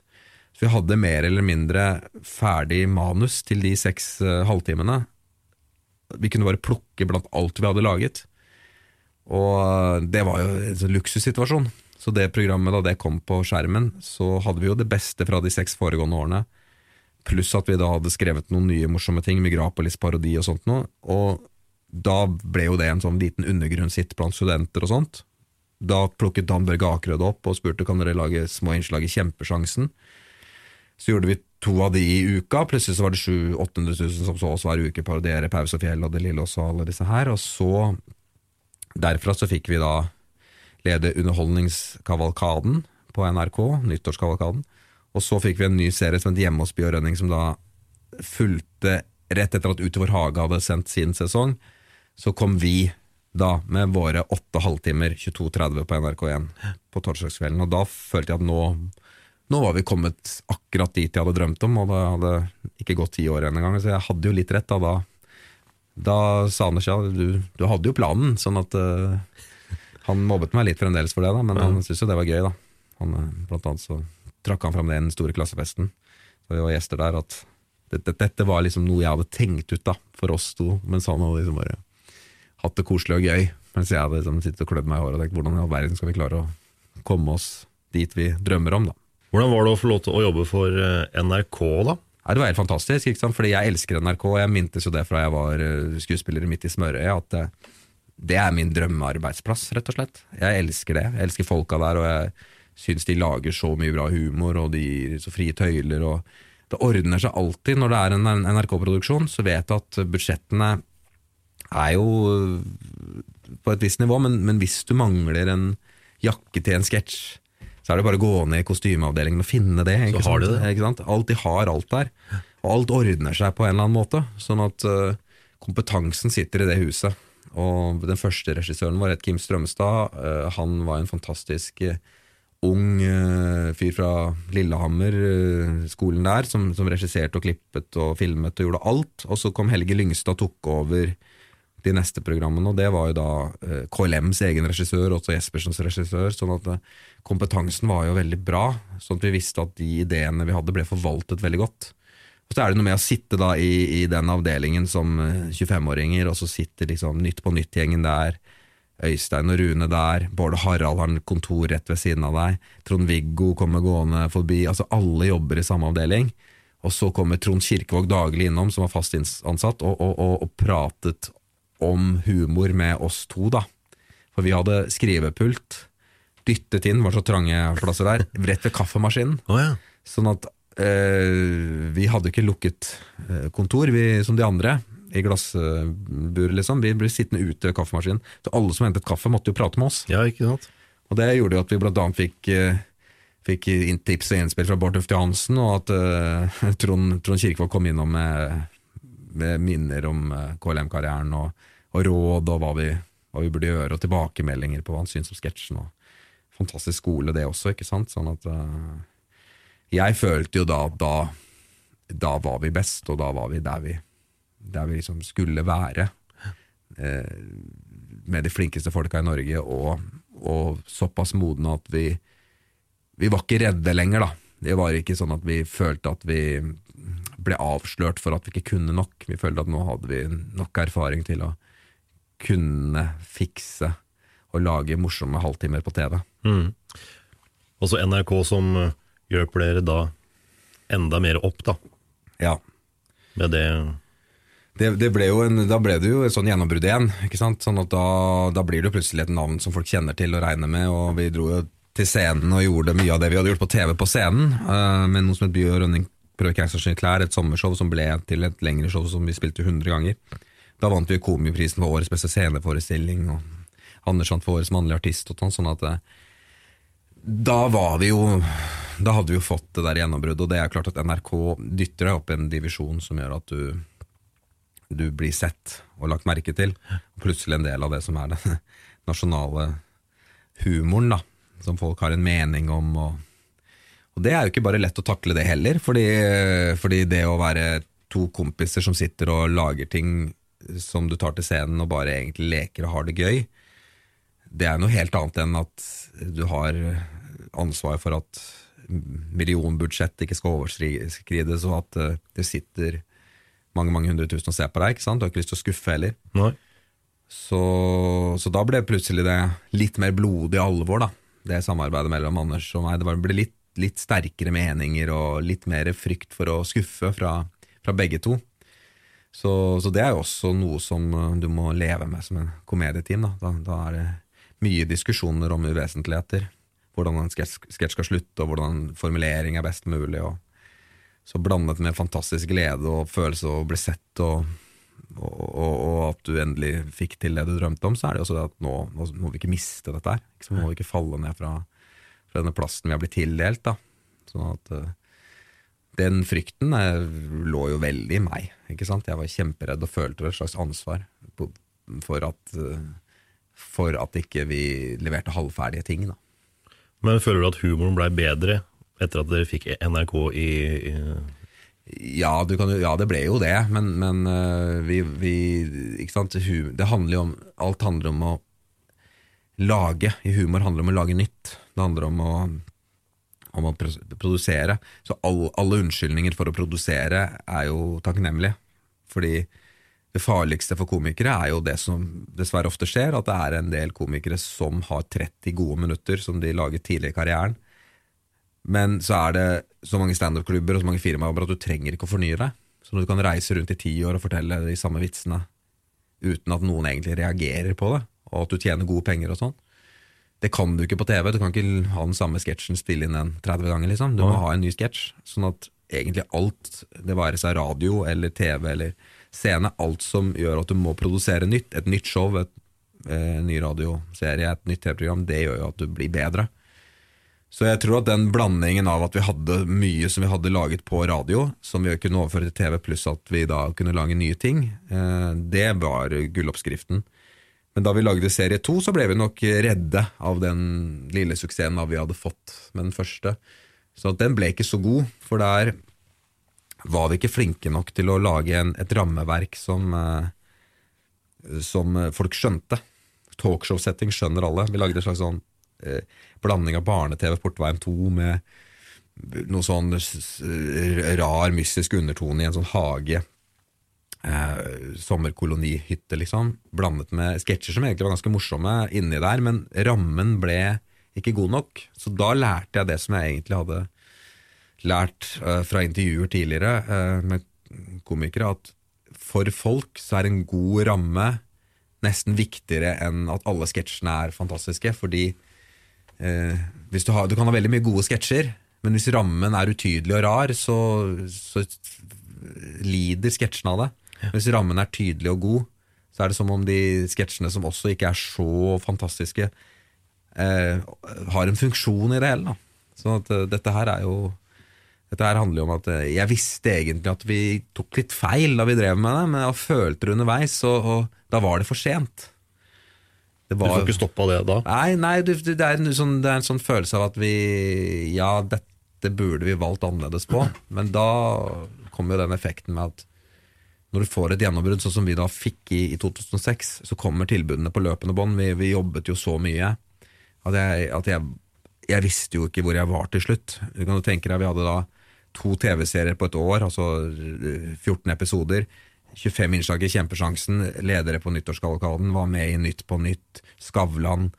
Vi hadde 100 forestillinger av Bjørn Rønning prøver keisers nye klær. Vi gjorde kanskje 50 firmajobber. Jeg skrev eh, masse nummer for andre det samme året, f.eks. Halleluja-kameratene-nummeret som Marit Voldsæter gjør, skrev jeg også blant fire-fem andre numre til henne. Uh, og vi var masse i, ja, i radio og på turné, sånn at det, det var jo sånn at jeg ante jo ikke hvor jeg var i livet mitt akkurat da. Vi skrev jo sketsjene våre på flytoget hjem fra jobb. Sånn at uh, Et godt eksempel på det er et veldig sånn skamfullt eksempel, da, men det var jo eh, Dette oppdaget jeg i 2010, da, noen år senere, så hadde vi en ny forestilling. Og da var det veldig fint lys på den eh, forestillingen. Da. Så på premierefesten sa jeg til lysmannen at eh, det var veldig bra lys, og det er gøy å endelig få jobbe med deg. Så sa lysmannen ja, vi har jobbet sammen før. da Det var jeg som gjorde lys på de 100 forestillingene med Bjørn Rønning prøver Keisers Nygler i 2006. Så jeg husket ikke engang han. ikke sant? Nei. Det sier litt om eh, hvor jeg var i livet da, og det er veldig skamfullt på en eller annen måte å ikke se menneskene rundt Som deg. med deg, ja. Men det var bare blanding av mye festing og en blanding av at du er så oppslukt av den neste jobben, neste sceneforestillingen, skrive nye sketsjer, ta en av de hundre telefonene som ringer, at du bare Du ser ikke verden rundt deg, da. Og mm, det endte jo med at jeg under innspillingen av den serien nummer to, hjemme hos Bjørn Rønning, satt opp et tre, en sånn typisk norsk parodi, eh, og, og skulle hoppe ned fra det treet, da, for det var iskaldt, og det var ikke noe stige eller noe sånt, og hoppa gærent og datt og brakk ankelen på fire steder. Og endte på sjukehus, kjørt på sjukehus i full morfinrus med parykk og kostyme, som ble klippet opp hele kostymet, da, og må ligge på sjukehus en uke med masse morfin, eh, og innspillingen da avlyst en uke, budsjettet overskrides, eh, ikke sant? Og etter en uke så var jeg fremdeles utslitt, eh, men jeg tenkte i det jeg lå i den sykesenga at dette var noe som verden sa at jeg behøvde nå. Jeg trengte fri akkurat nå. Slapp av litt, ja. Ja, sånn at da jeg lå der i den senga, så tenkte jeg at dette her var en slags beskjed. da. Nå, nå hadde jeg jobbet for mye. Og da jeg kom ut, så spilte jeg resten av den serien på krykker eh, med tungt medisinert, men uh, det syns jo ikke på opptakene. Nei. Det høres ut som uh, veldig hektiske år, da. Ja, det er sånn du ikke husker noe av, ikke sant? Du husker bare en sånn følelse av, av masse festing og masse jobbing, og at eh, du var mye sliten. Jeg husker jo Men at det var fantastisk gøy. Det er den beste tiden i livet mitt, og samtidig den, den tiden som jeg husker minst da, og som var mest hektisk. For dagene var, eh, dagene var fullstappa. Altså. I sminken klokka sju om morgenen, for det tok jo ofte to timer å sminke disse figurene. Opptak klokken ni til halv fem. Avsminking på settet. Sitte i en drosje ut til firmajobb for Telenor. Fra en firmajobb for Telenor, rett ned i taxi på Latter og spille Bjørn Rønning prøver Keisers nye klær, spille den, og så ta noen øl etterpå, for du var så gira, ikke sant? Og så kommer jeg på eh, Enten så var det da å ringe Anders fra en eller annen rolig kafé, brun pub ofte, og pugge manus til neste dag. Over Eh, telefon? Over telefon, eh, Eller skrive ferdig det vi manglet til neste dags opptak. For det var ofte sånn at det var en, vi fant ut at det ikke var gøy nok og sånn når vi satt i disse pausene på settet. Og så, Ellers var det å være ute da, til klokken to-tre, som jeg ofte var da, fordi du var så gira. Komme hjem, ligge noen timer på senga, ringe en taxi om morgenen, stoppe innom Shell, kjøpe en blåbærmuffins og en kaffe. Kommer jeg da til NRK øh, og drikke tre kopper kaffe, bli sminket, pugge manus i sminken, og så gå ut på opptak, og så gikk dagene sånn hele tiden. Og så var det helgen kom, da var det alltid ute og reise til Trondheim eller Bergen eller hvor enn det måtte være. Så, så jeg hadde var vel i snitt rundt den tiden når vi ikke hadde da fysisk TV-opptak, som du har i to måneder i strekk kanskje, så var jeg kanskje på Gardermoen seks dager i uka. Fram og tilbake, med gitar på ryggen, og det er klart da blir det sånn at når du ser kompisen din og kollegaen din 320 dager i året, da var det plutselig litt, litt slutt på at vi dro på ferier sammen også. Fordi det hadde jeg og Anders gjort frem til da. Da hadde vi liksom også reist på ferier sammen. Men da, da var det sånn vi, vi så hverandre hele tiden. Ikke sant? Fra vi sto opp til vi la oss. Eh, sånn at eh, det var også en sånn veldig jeg er, glad, jeg er glad vi var gode venner, da. For vi har jo alltid, kan det bli for mye. ja, jeg tenker, jeg tenker det. Jeg skjønner jo de artistene som blir dytta sammen med en annen artist, sammen med Garfunkel eller hvem det enn måtte være. Du, og, så, og så er du på turné hele tiden, og så kan det være noen uoverensstemmelser. Jeg husker jo Knutsen Ludvigsen har fortalt om det. Øystein Dolmen ble, ble en fyr som så oss veldig tidlig og sa ta vare på partnerskapet deres. Eh, Det var ikke jeg og Gustav flink til, sa Øystein. Og han tok oss inn under vingen da vi var bare ja, 20-22 år og var på Spellemannprisen, og han, han liksom hadde sett noe med oss da, og følte at vi hadde litt av den samme energien. Ja. Han fortalte jo det at Knus og Ludvigsen de så hverandre så mye at når han og Gustav kjørte bil fra Oslo til Trondheim, så, så stilte de ett et spørsmål eh, liksom på, i, i, i Lillestrøm, og svaret fikk du på Dombås. Liksom. Det var stille imellom. Så du har, liksom, du har sett, sett, sett, eh, sett nok av hverandre, da. Og, og heldigvis gikk det ikke dit for Anders og meg, men det var jo veldig intenst. Vi var jo veldig mye sammen. Altså, og kjærestene våre skjønte jo liksom ikke hvordan i all verden vi eh, klarte å fremdeles hele tiden jobbe og si ja til alt mulig nytt når vi var så overarbeida som vi da helt tydelig var. da. Mhm. Men det var en maskin som aldri sa slutt, og min følelse var vel at jeg må smi mens jernet er varmt. En dag så Ja. Det det, du kan ikke være den raskeste revolvermannen i byen hele tiden. Det kommer en, en, en etter deg, en som er kjapp, kjappere til å skyte. skyte ikke sant? Mhm. Dere lager et eh, liveshow som går eh, året før deres eh, siste, i hvert fall mm. foreløpig TV-show på NRK. Mm. Redde verden, var det ikke det? Jo, stemmer det. Det var også en sånn, eh, det var også en sånn slags sånn rykk opp, da. Karrieren vår har bestått mye av, av heldigvis sånn stenbygging som har vært veldig sunt da, for oss. Så jeg er veldig takknemlig for Standup Norge og NRK og alle de som har sett oss og, og gitt oss de sjansene uten å kaste oss ut på dypt vann med en gang. Fordi den forrige forestillingen, Redder, nei, Keiserens klær, den var jo på klubbscenen. Altså den var på sommerscenen og klubbscenen, den mindre scenen. Mens dette var hovedscenen og en hel høst, og så ble to høster, altså ble 2010 og 2011. Og da fikk vi gjort det skikkelig. Eh, med band, eh, fire stykker i bandet, og, og da en, en helhet som, som het Redde verden, som, som eh, av en del eh, musikalske ting som vanlig, og parodier og, alt mulig sånt. Som gikk Vi spilte jo den 105 ganger. Så den ble, den ble veldig godt mottatt, den, og var veldig kul scenografisk, sånn Killers-inspirert. Eh, scenografi med band i forskjellige luker, og det, det, så, det så veldig kult ut.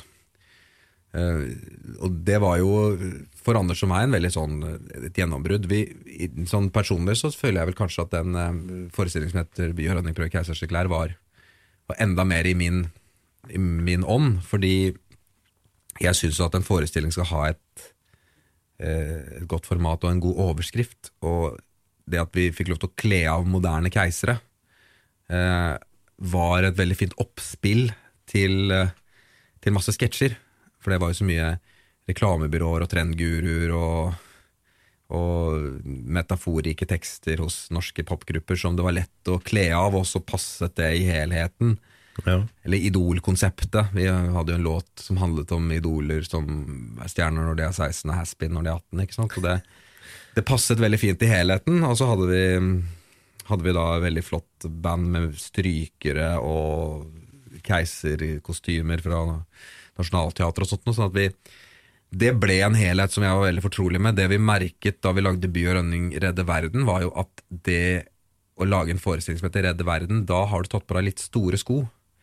Fordi da bør egentlig alle numrene handle om miljøvern og krig og den type ting. Mm. Og, og det er ikke alltid like humorvennlig å skrive om. I hvert fall ikke for oss som har den stilen vi har med mye parodier og popkulturelle ting.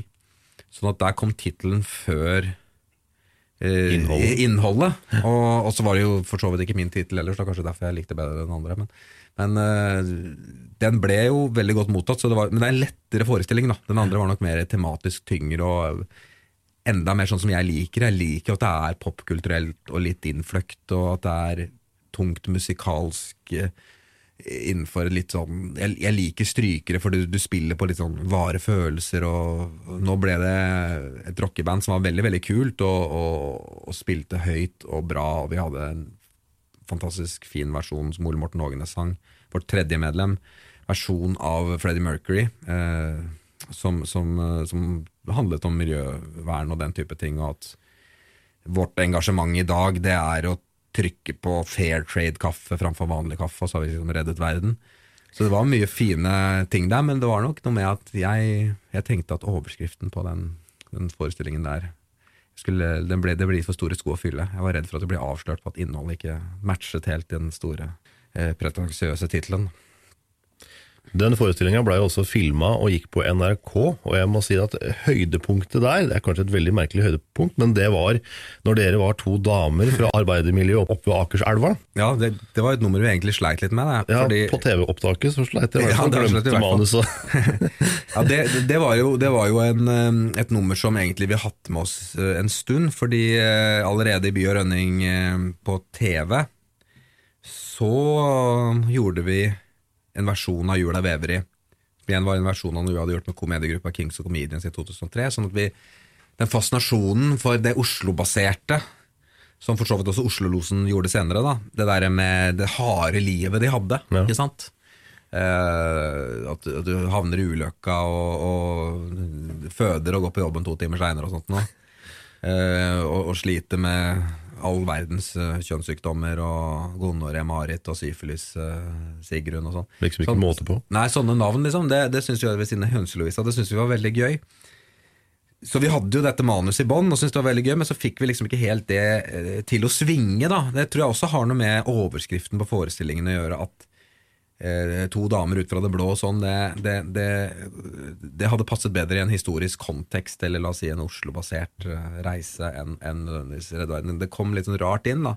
Sånn at eh, overskriften på det nummeret sleit vi litt med, og, og plutselig, mm, da vi spilte det manuset som da var stammet fra de gamle sketsjene, som hadde funket da, så funka det ikke så godt lenger. Men så skjedde det jo noe som man også ser på det opptaket, at vi kom ut av det og, og begynte å improvisere. Og når vi begynte å improvisere, så fikk jo da eh, sketsjen et helt nytt liv. Og det beviser igjen det som, som også er en sånn regel innenfor humor, og det er at eh, det som skjer der og da, vil alltid vinne over det som er skrevet. Det er all, alltid det som skjer mellom sal og scene i øyeblikket, som føles unikt der og da, som blir det morsomme. Og en god sketsj skrevet på forhånd, det, det må du ha, for du kan ikke bare satse på improvisasjon, selv om noen improgrupper gjør det. Men, men det der som skjer der og da, det er helt uslåelig. Sånn at det var en sånn feeling. Altså det nummeret som er bevart, da, som ligger på YouTube, fra, som heter Jula Weberi, det er jo et sånt nummer hvor vi virkelig kommer ut av det, og det var veldig gøy, for der, der får du Vi hadde ikke improvisert så mye på scenen før det, jeg og Anders. Jeg hadde improvisert en del alene i en sånn sang her og der, men, men jeg og han, vi fikk jo virkelig følt den kjemien. Og der kom de mange årene med samarbeid på scenen og de mange årene med vennskap helt tydelig frem. Fordi jeg visste hva Anders kom til å svare, og Anders visste hva jeg kom til å svare. Og jeg visste hva jeg skulle legge opp til han for at han skulle smashe, og ingenting av dette her fantes på manus fra før. Men noen ganger treffer du så blink at du tenker at selv om vi hadde sittet i tre uker, så hadde vi ikke klart å skrive det så morsomt som vi gjorde akkurat når vi improviserte det sammen. Ikke sant? Og, og det er jo igjen da den komiske kjærligheten og gløden som bare du ser. Jeg ser i blikket på Anders. Han vet nøyaktig hvor vi er nå. Og sånn kunne vi holdt på i 20 minutter.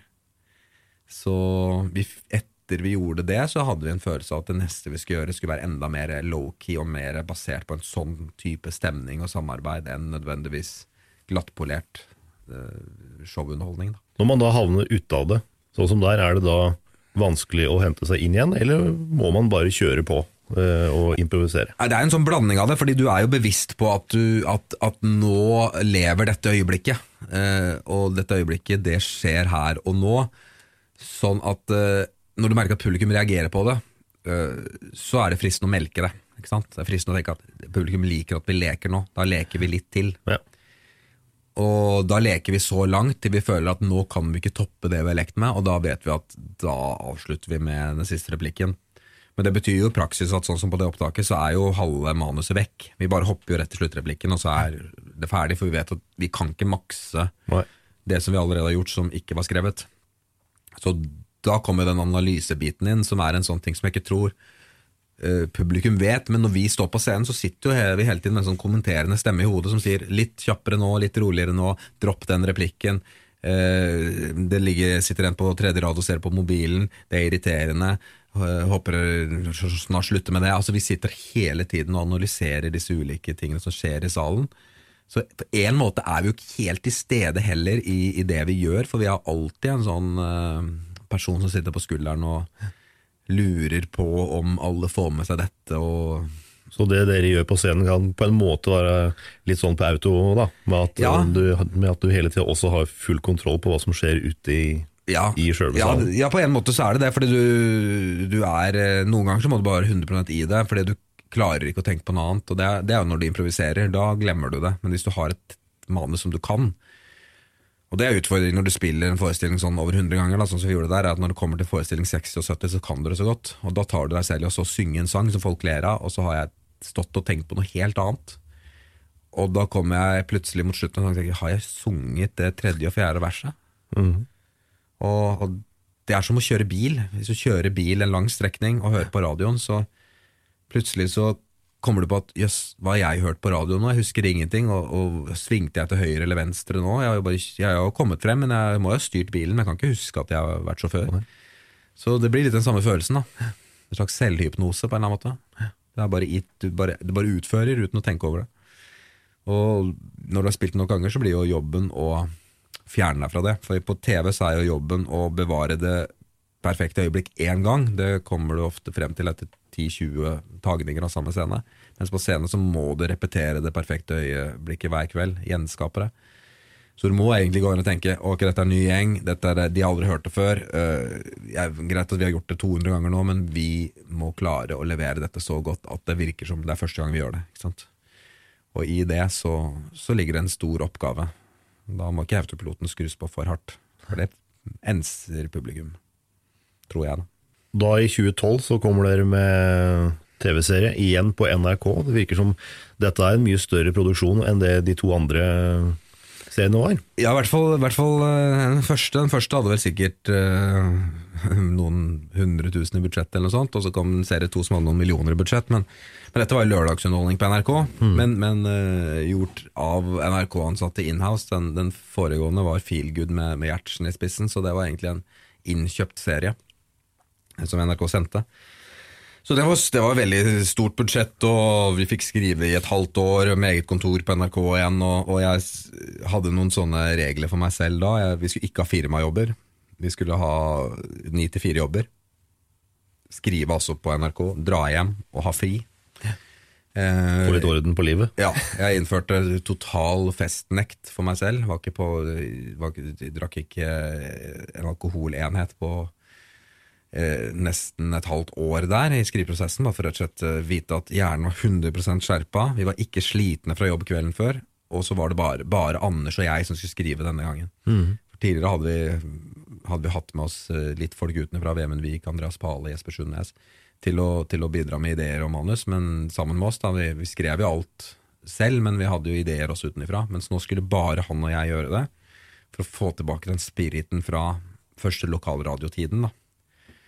Og det er jo krevende også, fordi da skal du skrive åtte halvtimer, og vi fant ut at vi bare ville ha sketsjer, ikke noe programlederstikk som vannet ut tiden. Vi ville fullstappe det med mest mulig komisk materiale, fordi vi følte at det var så eh, kjedelig å bare presentere sketsjer og si 'nå kommer den', nå kommer den, og så går minuttene, og så har du brukt opp eh, muligheten til å ha en hel sketsj på bare introduksjoner. Ikke sant? Sånn at eh, da da skrev vi enkeltstående sketsjer, og, og gjorde det et halvt år. Og da dukket jo alt fra Ut og Nave-parodien til Åndenes makt-tingene. Eh, og en del av de andre eh, sketsjene som, som kom da. Grandiosa-parodien som skapte veldig mye diskusjon da den kom i første program. Eh, og, og alle disse musikkvideoene. Og da, da kom vi på en måte i mål med den, men, men det var jo også en følelse da, når vi kom på lørdagen, at vi hadde veldig masse seere, men det var jo veldig mange som fikk dette kastet rett i ansiktet. Sånn at eh, på en måte så var det et enda større ansvar å levere noe på en lørdagskveld enn det var på en torsdagskveld, og i hvert fall på NRK2.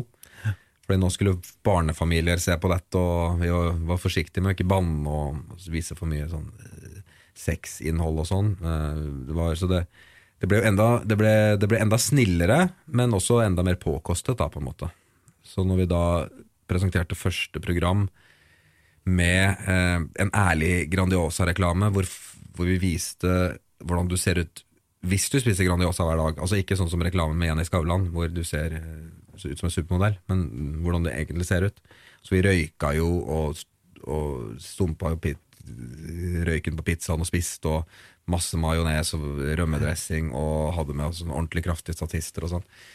Så da den var sendt på lørdagen, første lørdagen, så våknet jo vi på mandagen til at stabburet hadde klaget inn dette her og sagt at dette var mobbing av det norske folk.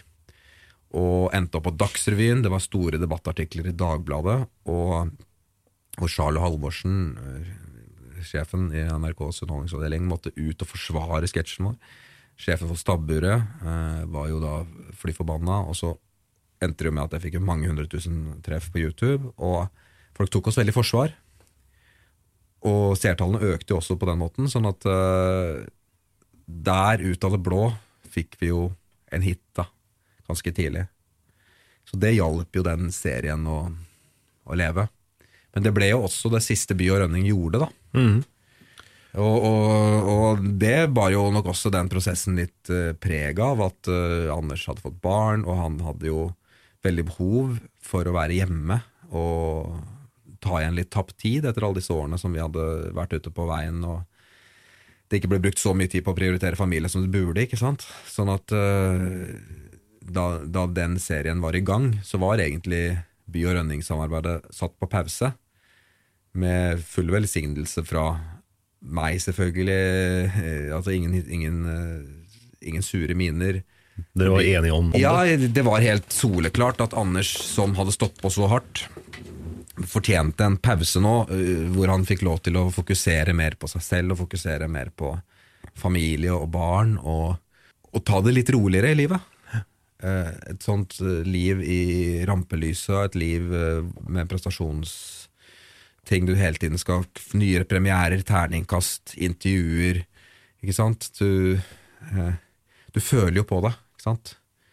Du føler jo, hvis du har vært gjest i et talkshow som vi var ved flere anledninger, så går du ut og tenker på sa jeg riktig nå, blir noen såret av det jeg sa, var det godt nok, var vi flinke nok? Du er jo aldri bra nok i øyeblikket, ikke sant? føler du, ikke sant? Altså, er du så prisgitt alle andres tilbakemeldinger.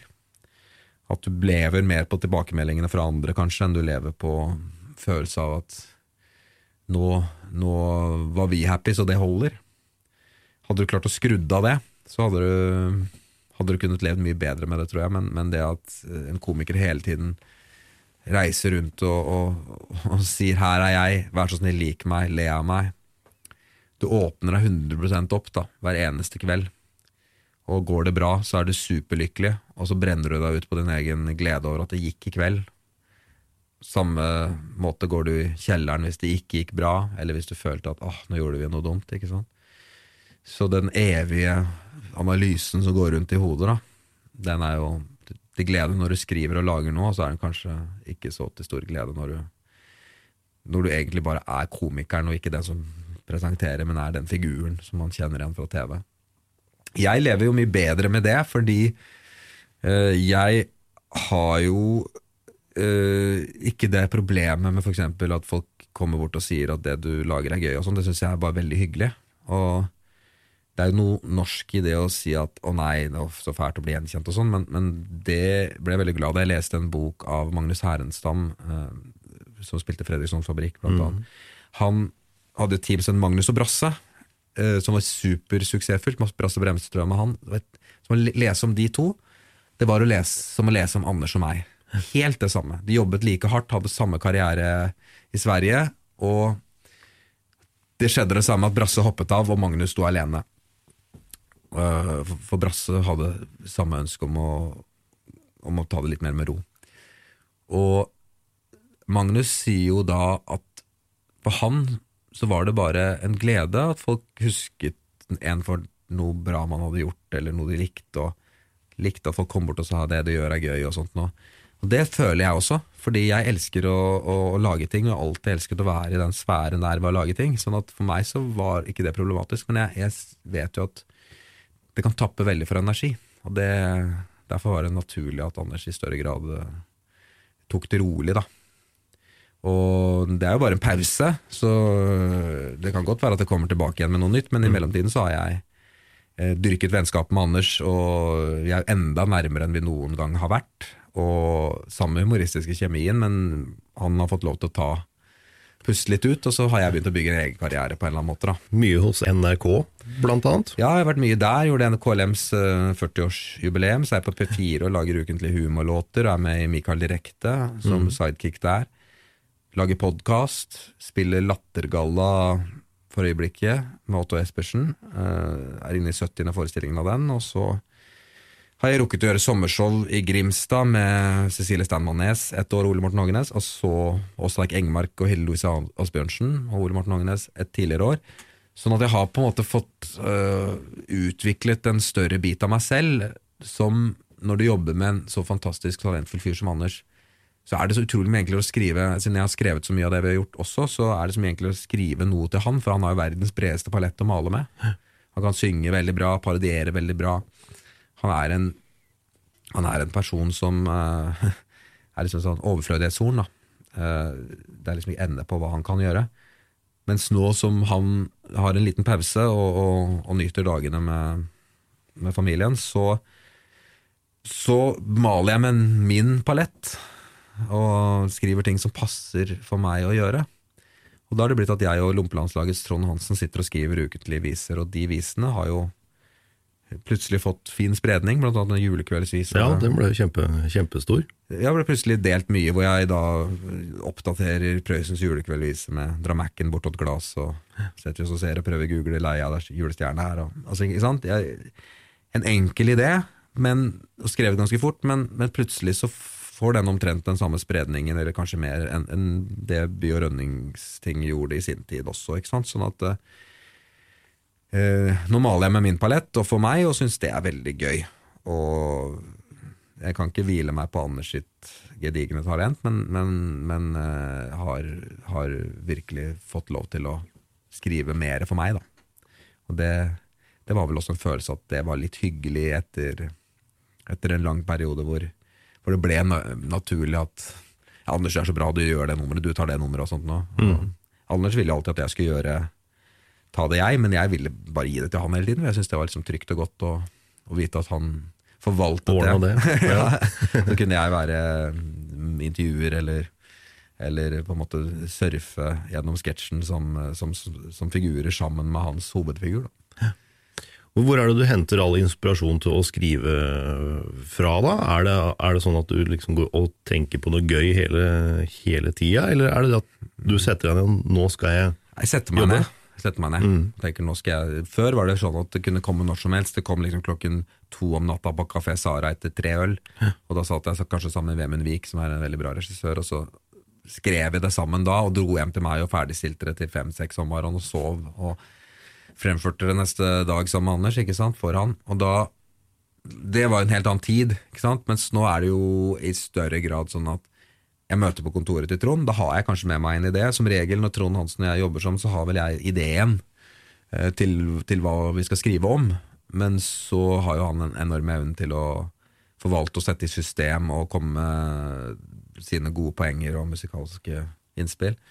Sånn at da blir det veldig sånn 50-50 arbeid når vi først sitter der. Og da sitter vi på kontoret. En sånn klassisk greie med den julekveldsvisa, for eksempel. Da.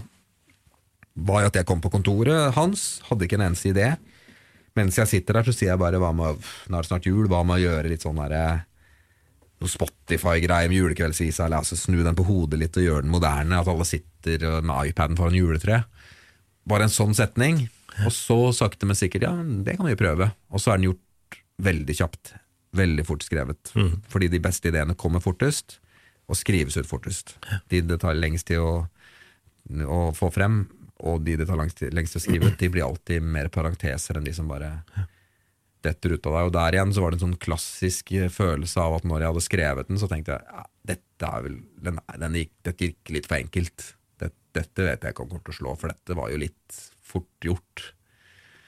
Og den greia har jeg hørt fra veldig mange, alt fra band nå. Den, den sangen de spilte inn kjappest i studio, som egentlig skulle strykes fra plata, er den, plat, er den låten som de er husket for. ikke sant? Ikke sant?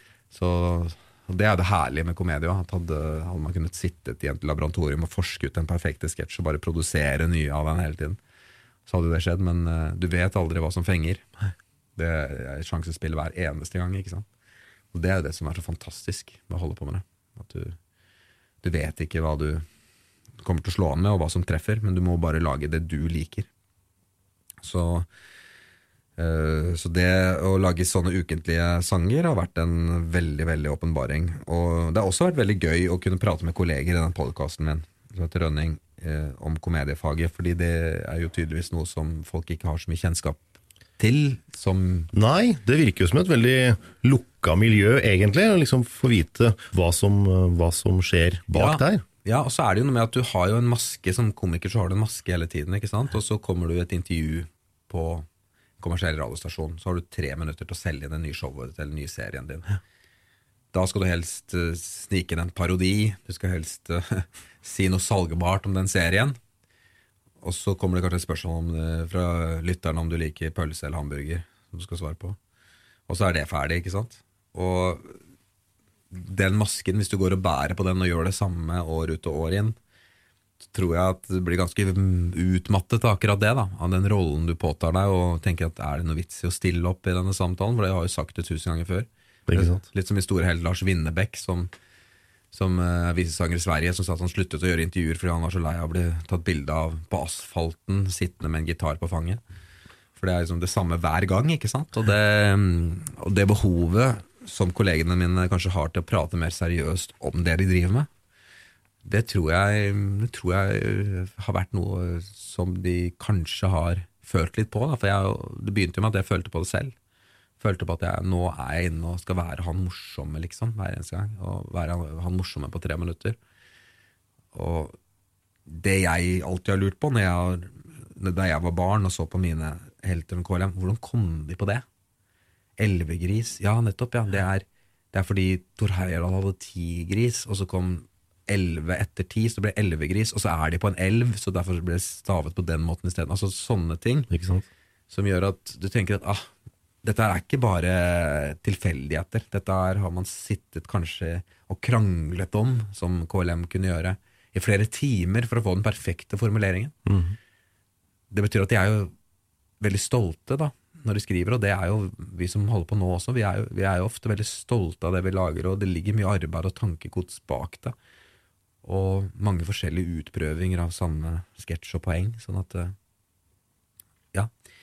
Jeg, jeg syns det er interessant å høre, da.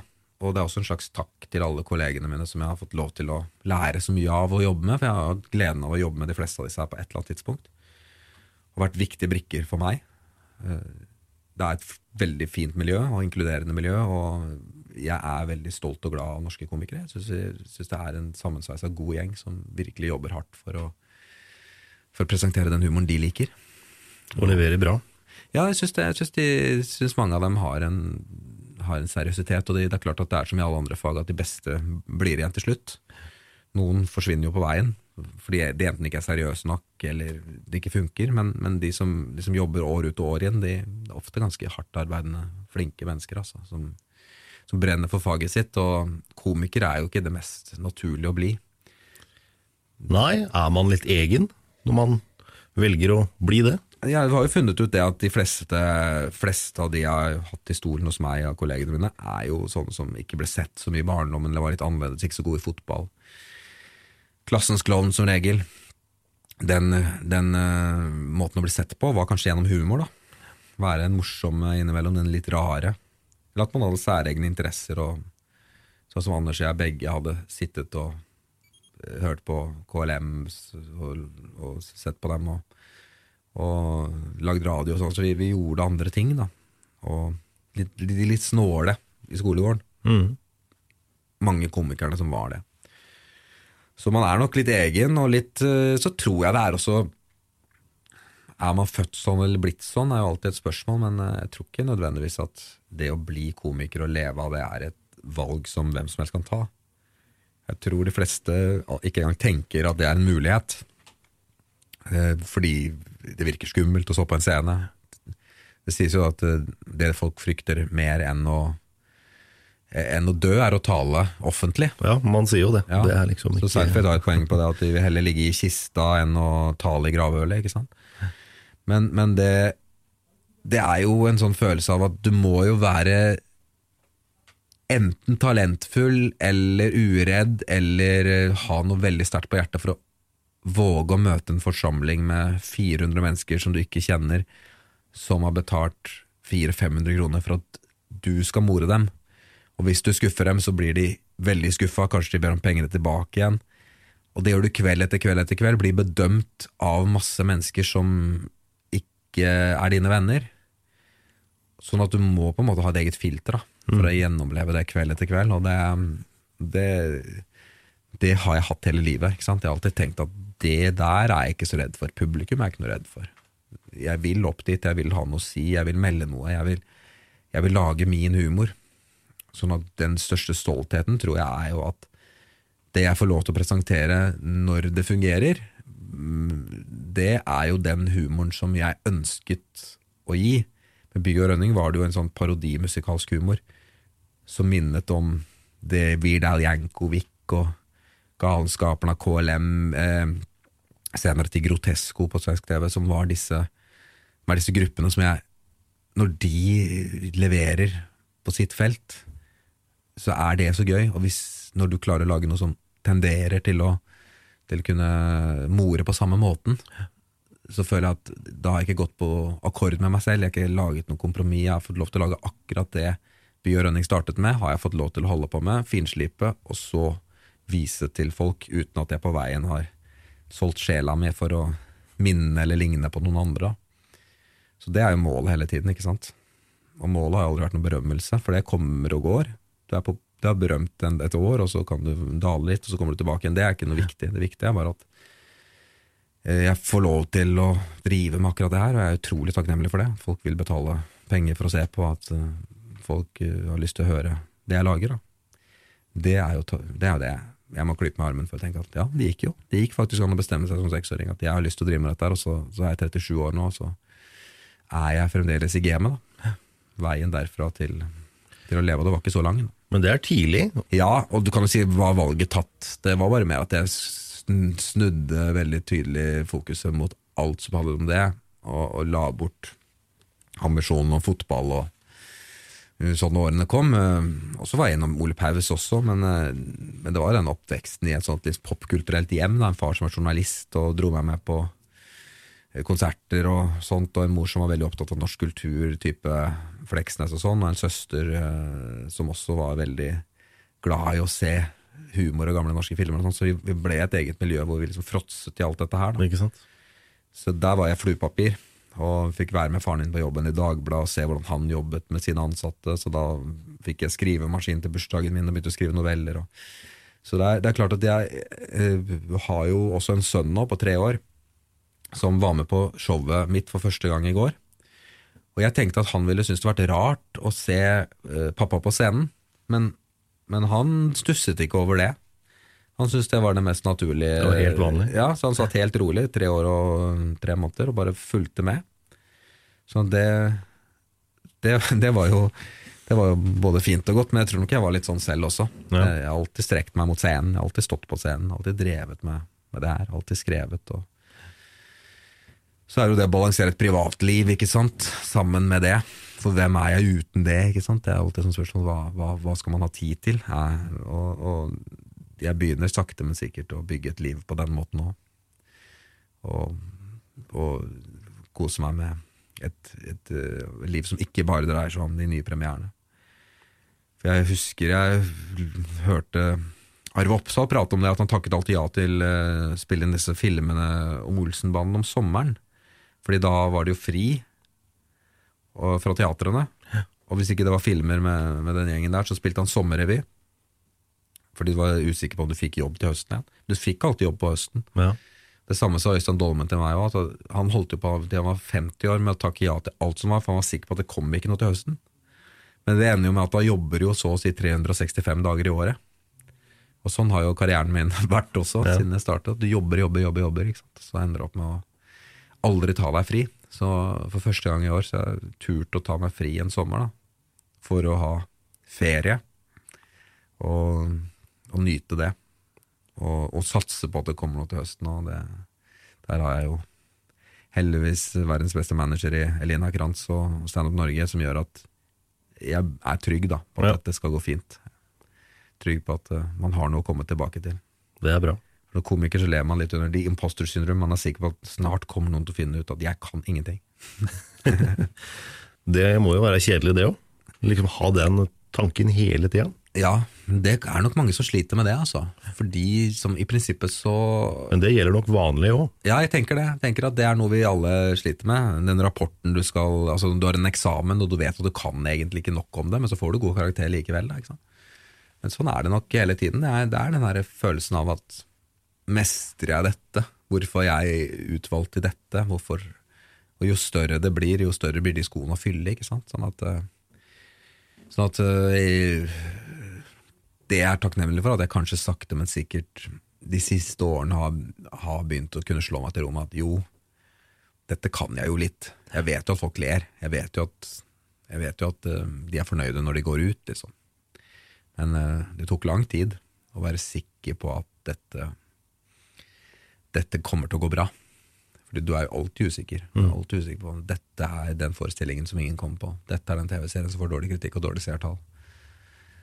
Eh, dette er det året hvor det er noen andre som kommer inn og tar over den rollen. Det kommer en ny sånn duo med parodikere.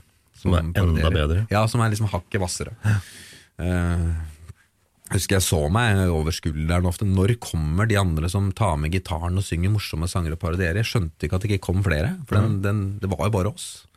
Så, så, så det Det føltes som vi liksom fylte et lite tomrom som, som ikke så mange andre konkurrerte innenfor. Da. Det var mange standupere, og det ble flere og flere, og flere, og alle konkurrerte i samme felt, mens, mens vi gjorde vår musikalske greie hele tiden på siden av det.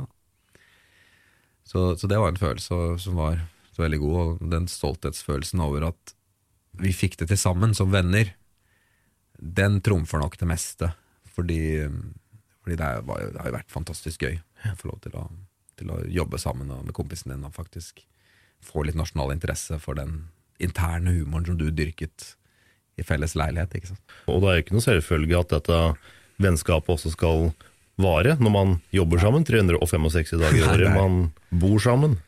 Ja, det er knallhardt, det. Altså, det, er, det er det. Og det er klart det har gått en kule varmt. Altså, det har jo vært sånn at uh, i perioder så Når vi begynte å skrive på kontoret og sånn, etter å ha spilt sammen kvelden før og spilt inn sketsjer tidligere på dagen, dagen før, så, så var det ikke sånn at vi hilste på hverandre engang når vi kom inn i kontoret. Det var sånn eh, det var liksom sånn, nå, ja, nå er det er, som, det er som en stol bare sto der, liksom. Det var, sånn, det var så naturlig. Ja. Sånn at eh, Det var sånn bare Ok, hvor var det? Det var sånn, vi hadde bare vært i lading, og så fortsatt. Det Hvor var det vi slapp? Ja, det var, det var, ikke, det var ikke lenger et spørsmål om Hei, skal vi jobbe sammen i dag? Hvordan går det? Sånn, hvordan var natten i dag? Nei, vi så hverandre for fire timer siden, så det er greit. Vi bare fortsetter. Ja. og vi vet at denne dagen her så er vi sammen fra klokken åtte til klokken tolv om natten. Og det, det var hver eneste dag. Men uh, det ble et ekteskap også, ikke sant? Det ble et ekteskap hvor uh, hvor vi uh, måtte ha sånne lufteturer for å fornye personen, på en måte, da, i, i både vennskapet og, og også arbeidsmessig.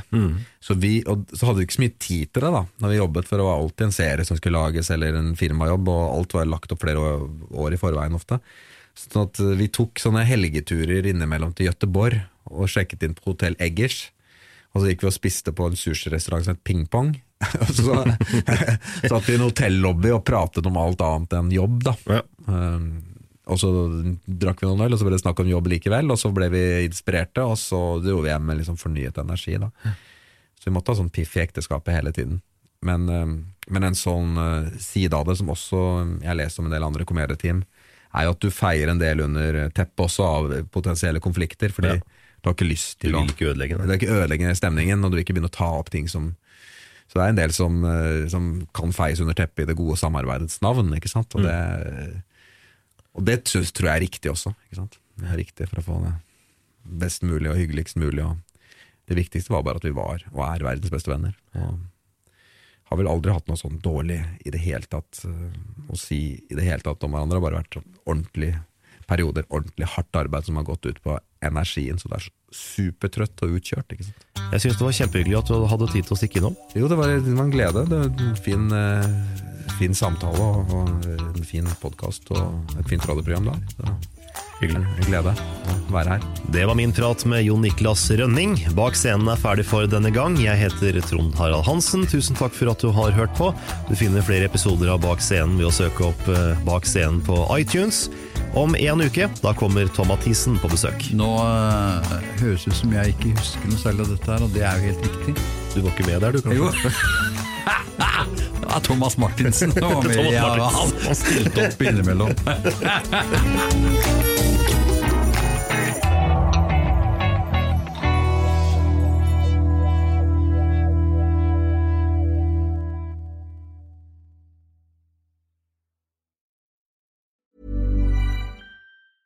Even when we're on a budget, we still deserve nice things.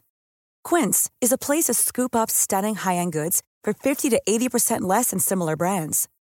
They have buttery soft cashmere sweaters starting at $50, luxurious Italian leather bags, and so much more. Plus, Quince only works with factories that use safe, ethical, and responsible manufacturing. Get the high-end goods you'll love without the high price tag with Quince. Go to quince.com slash style for free shipping and 365-day returns.